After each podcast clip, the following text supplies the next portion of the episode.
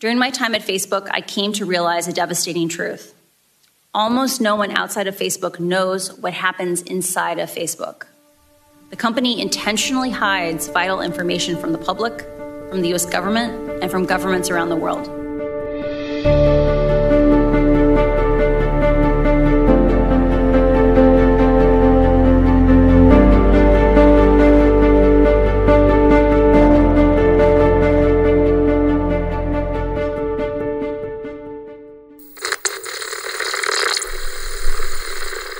Anda sedang mendengarkan BTS Gedung Putih. I came forward because I believe that every human being deserves the dignity of the truth. I came forward at great personal risk because I believe we still have time to act. But we must act now.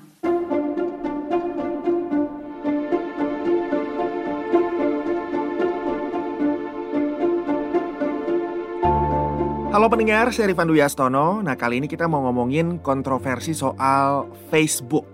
Saya yakin pasti teman-teman masih ingat beberapa deh nih masalah yang melibatkan Facebook.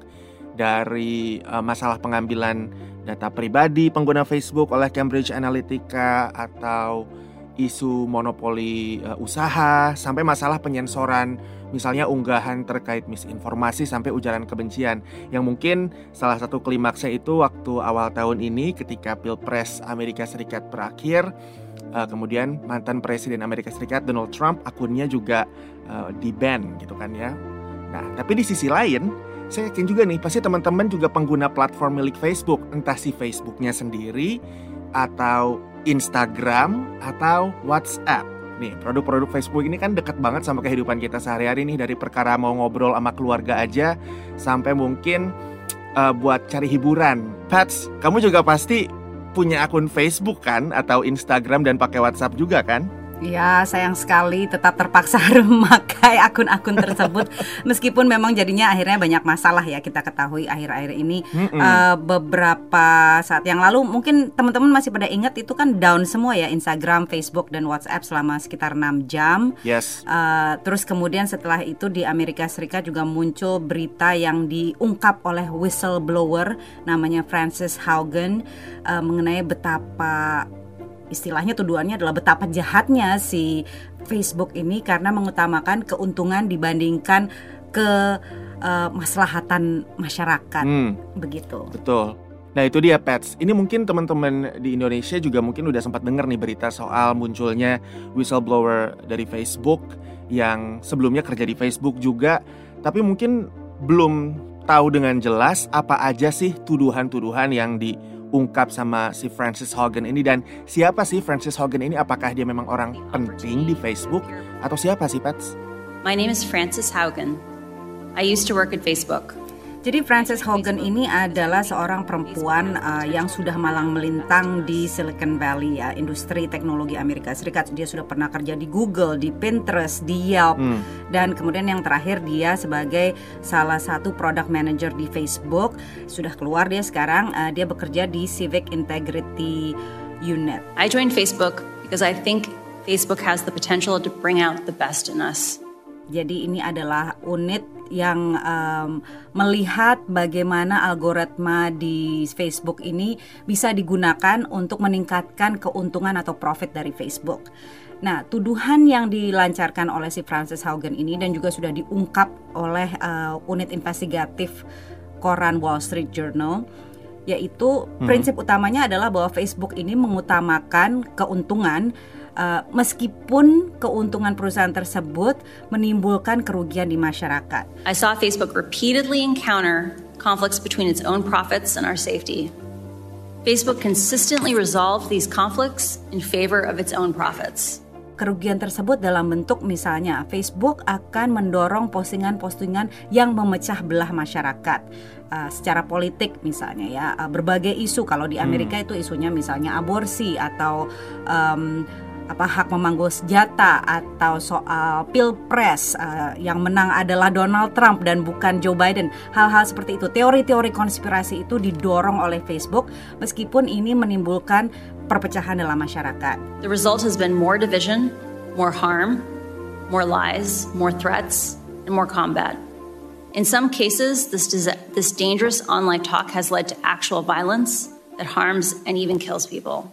Tuduhan yang kedua adalah bahwa riset Facebook sendiri dan riset Instagram sendiri menunjukkan bahwa uh, platform ini merugikan bagi remaja, khususnya remaja putri, karena memicu perasaan-perasaan seperti uh, saya kurang cantik, saya kurang pintar, saya kurang oke, okay, hmm. kurang kaya, you know what I mean? Itu adalah menimbulkan um, kekhawatiran mengenai image mereka sendiri. Dan ini risetnya sudah terbukti dan sudah diajukan ke Mark Zuckerberg bahwa platform seperti Instagram ini menimbulkan hal-hal seperti itu, Facebook juga menimbulkan perpecahan, namun diabaikan demi keuntungan perusahaan. Kids, kids who are bullied on Instagram, the bullying follows them home. It follows them into their bedrooms. The last thing they see before they go to bed at night is someone being cruel to them, or the first thing they see in the morning is someone being cruel to them.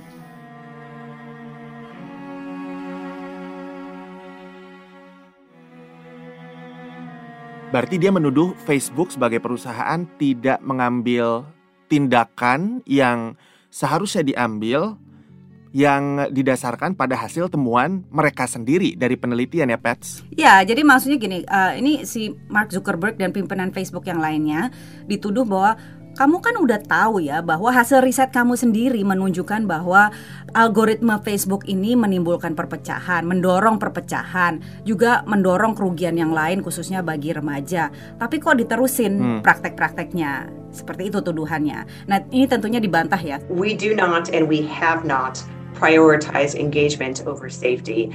Argumen bahwa Facebook itu mendorong konten yang membuat orang merasa marah atau merasa sedih demi keuntungan itu tidak logis kalau menurut Zuckerberg karena mereka menghasilkan hmm. keuntungan itu dari iklan dan pengiklan selalu mengatakan bahwa mereka tidak ingin iklan mereka uh, tampil dekat konten yang harmful atau yang merugikan tapi dia juga tidak merespons undangan kongres untuk memberikan testimoni. Jadi kan kita tahu semua tuduhan ini dibeberkan oleh si Francis Haugen hmm. ini melalui sebuah sidang testimoni di Kongres. Makanya dibuka semuanya tuh uh, borok-boroknya si Facebook. Do you believe that they're actually going to discontinue Instagram kids or they're just waiting for the dust to settle? But what other examples do you know about where Facebook or Instagram knew its decisions would be harmful? Facebook's internal research. So they knew what they were doing. They Dan ini uniknya ya Van ya, kalau biasanya yang namanya Kongres Amerika hmm. Serikat itu kan kerjaannya berantem terus ya antara Partai Republik dan Partai Demokrat. Tapi kalau khusus untuk isu Facebook ini semuanya bersatu, semuanya ingin bahwa Facebook ini di di apa ya lebih diregulasi, diredam karena dianggap begitu powerful. Ini kan perusahaan yang hampir satu triliun dolar ya uh, nilainya. Jadi ini hmm. benar-benar uh, mendapatkan dukungan dari semua politisi di Amerika Serikat baik itu dari partai Republik maupun Demokrat untuk bisa meredam kekuasaan si Mark Zuckerberg ini. Nah, Pets, itu dia nih yang jadi pertanyaan besarnya. Semuanya kayaknya menyatukan kekuatan untuk bisa pada akhirnya meregulasi Facebook itu. Termasuk nggak cuma di Amerika bahkan ya, di luar negeri pun kayak gitu. Uni Eropa juga mencoba melakukan yang sama. Inggris juga mencoba untuk menerapkan uh, peraturan yang lebih ketat buat uh, Facebook dan uh, apa namanya perusahaan-perusahaan teknologi besar lainnya di luar sana. Tapi apa sih memang ancaman yang terbesar kalau misalnya Facebook misalnya dalam hal ini dibiarkan berada dalam kondisi sekarang yang dianggap punya kekuasaan atau kekuatan yang sangat besar ini, Pat?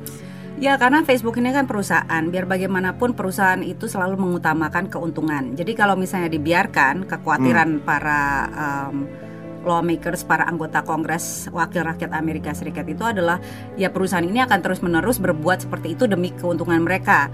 Contohnya adalah let's say perbandingannya di tahun 60-an perusahaan rokok Amerika Serikat itu kan bisa beriklan di mana saja, bisa melakukan basically melakukan apa saja untuk menjual produk mereka meskipun mereka tahu bahwa produk mereka itu merugikan kesehatan. Hmm. Jadi kemudian akhirnya produk tersebut diregulasi, ada peraturan-peraturan tertentu yang membatasi perusahaan rokok untuk bisa menjual produknya. Nah, Prinsip yang sama sekarang berlaku untuk Facebook. When we realized big tobacco was hiding the harms it caused, the government took action. When we figured out cars were safer with seatbelts, the government took action. And when our government learned that opioids were taking lives, the government took action. I implore you to do the same here. Apabila perusahaan ini tahu bahwa produknya, postingnya, algoritmenya merugikan masyarakat, kenapa kok boleh dibiarkan begitu saja? Harus dilakukan regulasi, harus dimunculkan undang-undang baru, peraturan yang baru untuk bisa mengekang Facebook supaya tidak bebas begitu saja mendorong produknya, postingnya, algoritmenya sehingga merugikan rakyat. Sejauh ini Gedung Putih sendiri punya pendapat apa Pets? Kalau Kongres kan tadi kayak kamu bilang ya mereka bersatu dari kedua kubu ini untuk uh, ingin meregulasi Facebook lebih ketat. Oh kalau uh, White House ya Gedung Putih juga sudah jelas bahwa platform-platform teknologi seperti Facebook ini harus dipaksa untuk bertanggung jawab atas kerugian yang mereka timbulkan. Jadi harus ada reformasi undang-undang uh, yang mengatur platform teknologi di Amerika Serikat itu sudah sangat jelas didukung oleh Presiden Joe hmm. Biden dan juga uh, pejabat-pejabat gedung putih lainnya. Uh, they make clear that self-regulation is not working. Uh, that's long been the president's view and been the view of this administration.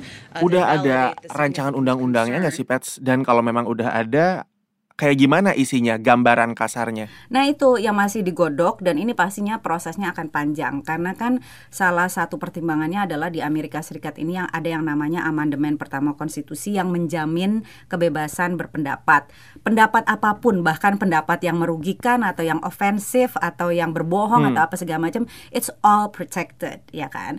Nah jadi sekarang uh, yang menjadi tantangannya adalah bagaimana reformasi reformasi yang akan diberlakukan ini tidak mengekang kebebasan berpendapat tapi lebih mengatur ke platformnya itu sendiri karena kan Facebook selama ini bilang bahwa loh kita kita tidak membuat konten, kita hanya menjadi platform yang menyajikan konten tersebut, ya kan? Yeah. Tapi kenyataannya kan algoritma Facebook sendiri yang mendorong konten-konten tertentu yang menjadi lebih populer demi keuntungan mereka. Contohnya gini, kalau misalnya ada posting tentang teori konspirasi yang bikin orang gemes, meskipun itu beritanya tidak akurat, tidak faktual, itu yang akan didorong oleh Facebook karena Facebook tahu posting-posting seperti ini yang membuat orang gemes dan membuat orang mengklik dan setiap klik itu kan tentunya menjadi uh, sumber pendapatan bagi mereka.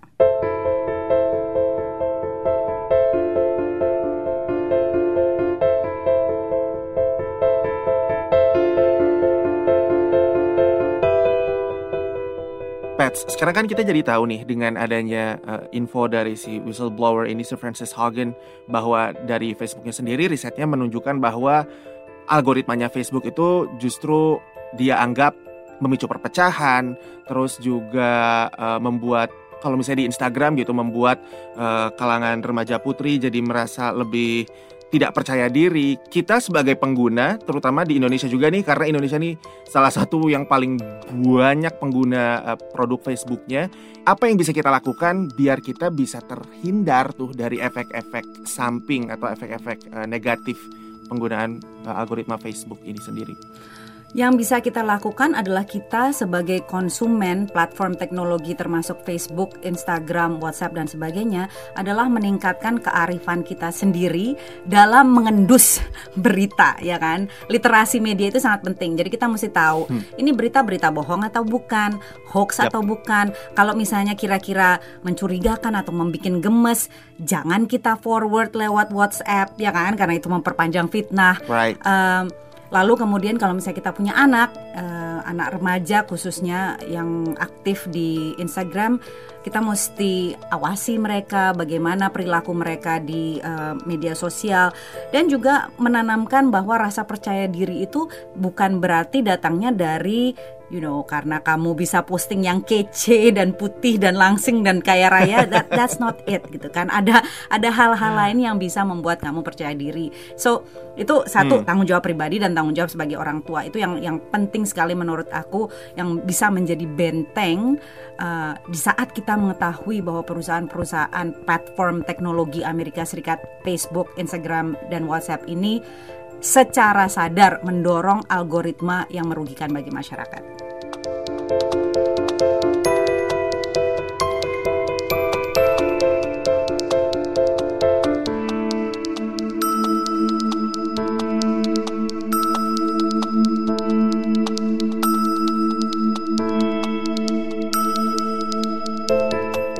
Ikuti dinamika politik Amerika Serikat bersama Kepala Biro Gedung Putih VOA Patsy Widakuswara dalam podcast produksi VOA Indonesia BTS Gedung Putih. Sampai jumpa.